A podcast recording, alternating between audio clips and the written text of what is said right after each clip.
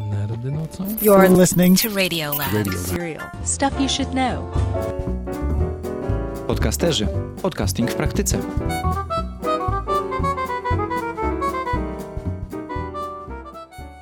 Czy pamiętasz więcej czadu albo z nowszych filmów, za to z równie dobrą muzyką Radio na fali? W starych, dobrych czasach do nadawania wystarczył mikrofon, magnetofon i nadajnik radiowy. Oczywiście przydałaby się też licencja, ale we wczesnych latach 90. nie każdy się w tym w Polsce przejmował. Dziś jest prościej. Nadajnik FM można kupić na serwisach aukcyjnych, jednak to nie ma wielkiego sensu, bo nadal nie jest łatwo uzyskać koncesję na lokalną stację, a i odbiorcy przenoszą się do internetu. Miałem dziś opowiadać o oprogramowaniu, ale pytanie, które dostałem od Kuby, uświadomiło mi, że rzeczy oczywiste dla podcasterów są w rzeczywistości mocno pokręcone i nienaturalne. Więc dziś, trochę poza zaplanowaną kolejnością, jak publikować, kiedy potrafimy już nagrywać, zapraszam do drugiego odcinka podcasterów.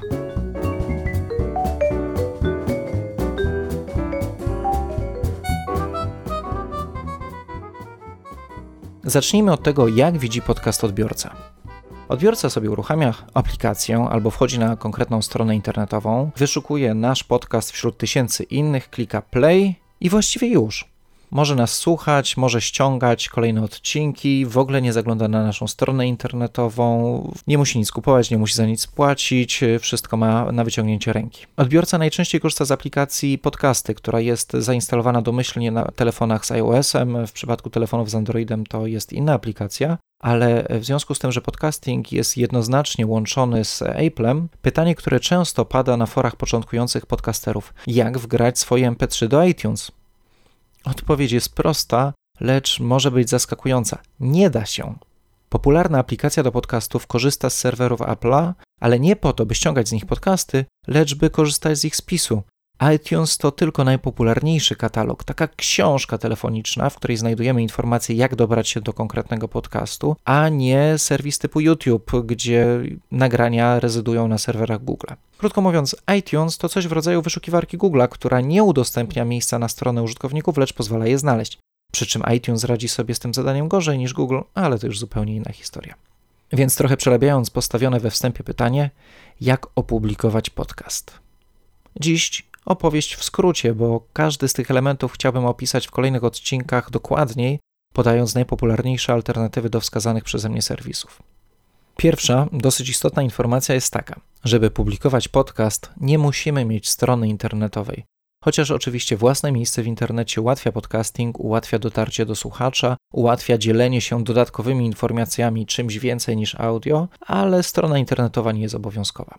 Jeżeli jednak masz stronę, korzystasz z bardzo popularnego systemu typu WordPress do blogowania i jeżeli masz możliwość dodawania własnych rozszerzeń do tego WordPressa oraz plików, właśnie oszczędzasz kilka dolarów miesięcznie, a jednocześnie zyskujesz większą kontrolę nad swoimi treściami. Jeżeli jednak nie masz jeszcze swojego miejsca w internecie, możesz skorzystać z jednego z wielu odpowiedników YouTube dla plików audio, z tym, że większość z nich jest płatna dla podcastów mających więcej niż kilka odcinków swojej dzisiejszej opowieści, a w każdym razie w tej części dla osób mających już swoje strony internetowe, skupię się na WordPressie jako najpopularniejszej platformie publikowania informacji w internecie.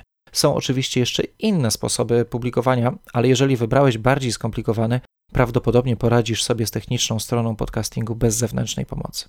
Co możemy zrobić, kiedy mamy swój blog postawiony na WordPressie? By opublikować odcinek, możesz go po prostu umieścić jako MP3 na stronie. Nie jest to plik do ściągnięcia, w związku z czym nie jest to podcast. Nie znajduje się w aplikacji, nie będzie automatycznego ściągania, będzie czymś, w co Twój czytelnik musi kliknąć, żeby tego posłuchać. Co trzeba zrobić, żeby garść luźnych plików MP3 przekształcić w podcast? Przede wszystkim, jeżeli mamy tego WordPressa, musimy do niego zainstalować specjalną wtyczkę. Ze swojej strony polecam PowerPressa, którego sam używam, oraz Seriously Simple Podcasting. Odnośniki do obu tych wtyczek oraz być może do kilku innych znajdziesz na stronie podcasterzy.pl. Następnie Taką wtyczkę musimy skonfigurować, czyli podać jej opis podcastu, kategorie, do jakich należy, podrzucić rzeczy typu grafikę układkową. W przypadku PowerPressa warto się również zarejestrować w serwisie Blabry, który da nam statystyki słuchalności naszych podcastów i dopiero teraz, kiedy już mamy to wszystko dokonfigurowane, zgodnie z instrukcją wybranej wtyczki, możemy umieścić MP3 na stronie.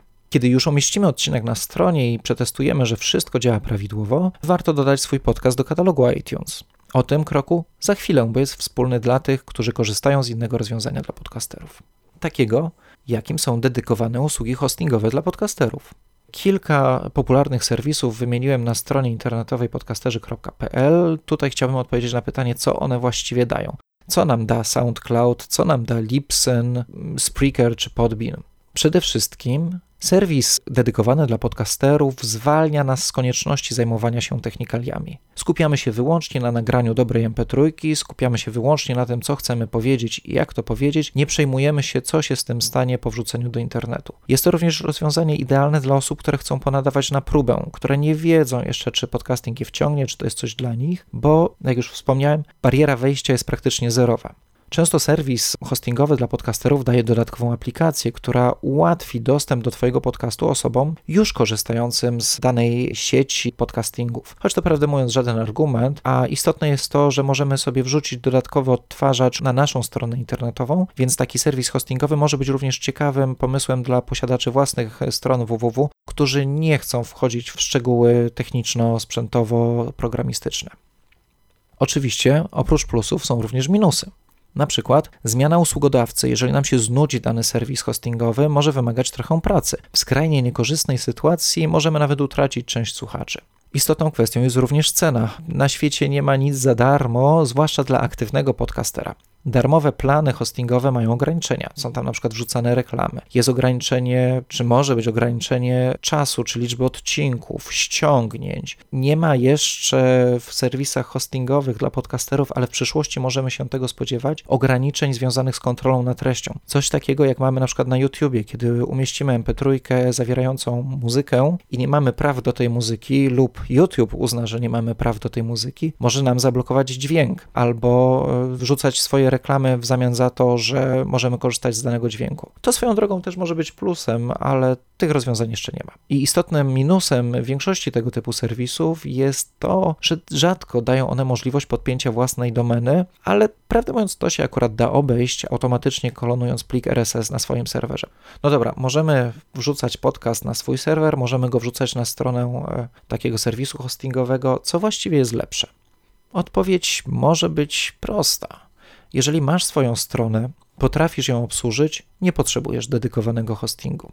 Jeżeli masz swoją stronę i potrzebujesz poczucia pełnej kontroli nad własnymi zasobami, odpowiedź też jest oczywista. Jeżeli nie masz własnej strony i nie chcesz jej mieć, wybierz usługę hostingową. Jeżeli masz swoją stronę, ale nie cierpisz kwestii technicznej, również warto dać te kilka dolarów miesięcznie za spokój sumienia i pewność, że wszystko będzie działać prawidłowo. Wybór dokonany? Pora na wgranie pierwszych odcinków i dodanie swojego podcastu do najpopularniejszego katalogu na świecie. Oraz kilku dodatkowych, ale o nich opowiem innym razem. Jak to zrobić? Przede wszystkim musisz przygotować sobie wszystko, czego wymaga od ciebie serwis lub twoje WordPressowe rozszerzenie służące do wydawania podcastów. Czyli opis, tytuł, dane autora i grafikę tytułową o wymiarach co najmniej 1400 na 1400 pikseli. Maksymalny rozmiar 3000 na 3000 pikseli i ten właśnie rozmiar polecam. Okładka musi być przede wszystkim czytelna, nawet po pomniejszeniu. Pamiętaj, że podcastów nie słucha się najczęściej przy komputerze z 40-calowym monitorem, ale na różnych urządzeniach przenośnych, na odtwarzaczach MP3 czy małym telefonie, którego ekran nie powala rozmiarem. Kiedy już to wszystko masz zrobione i wprowadzone i skonfigurowałeś sobie cokolwiek będziesz wykorzystywać do publikowania podcastów, znajdź informację o adresie swojego pliku RSS. RSS to taki plik, w którym są informacje o Twoim podcaście oraz o każdym nowym odcinku. Będziesz tego potrzebować w kolejnym kroku. Kiedy już masz ten adres, wejdź na stronę Podcast Connect. Adres Podcast Connecta znajdziesz na podcasterzy.pl w notatkach do drugiego odcinka. Użytkownicy iTunes i posiadacze iPhone'a mają tutaj łatwo, bo każdy inny musi jeszcze założyć konto Apple'a. Odpowiedni odnośnik znajdziesz na Podcast Connectie. Kiedy już zalogujesz się do Podcast Connectu, podaj tam adres pliku RSS i po potwierdzeniu, że wszystko jest ok, w ciągu najwyżej kilku dni dostaniesz e-mail potwierdzający dodanie Twojego podcastu do katalogu. Gratuluję i witaj w świecie podcastingu. I to tyle na dziś. Zapraszam Cię na stronę podcasterzy.pl oraz podlinkowany tam profil facebookowy, gdzie znajdziesz dodatkowe informacje, które nie zmieściły się w wersji audio. Na stronie podcasterzy.pl znajdziesz też odnośniki do serwisów, o których dzisiaj wspominałem, a także do kilku innych, które warto przetestować przed podjęciem decyzji o wejściu w świat podcastingu. Pamiętaj, że adres lukasz.podcasterzy.pl jest do Twojej dyspozycji. Też znajdziesz go na stronie. W zakładce Zadaj pytanie. Już pierwszym słuchaczom pomogłem. Jeżeli usłyszałeś lub usłyszałaś dziś ode mnie coś ciekawego, podziel się informacją o podcaście ze swoimi znajomymi. To dla mnie będzie największa nagroda. To co? Do usłyszenia za dwa tygodnie?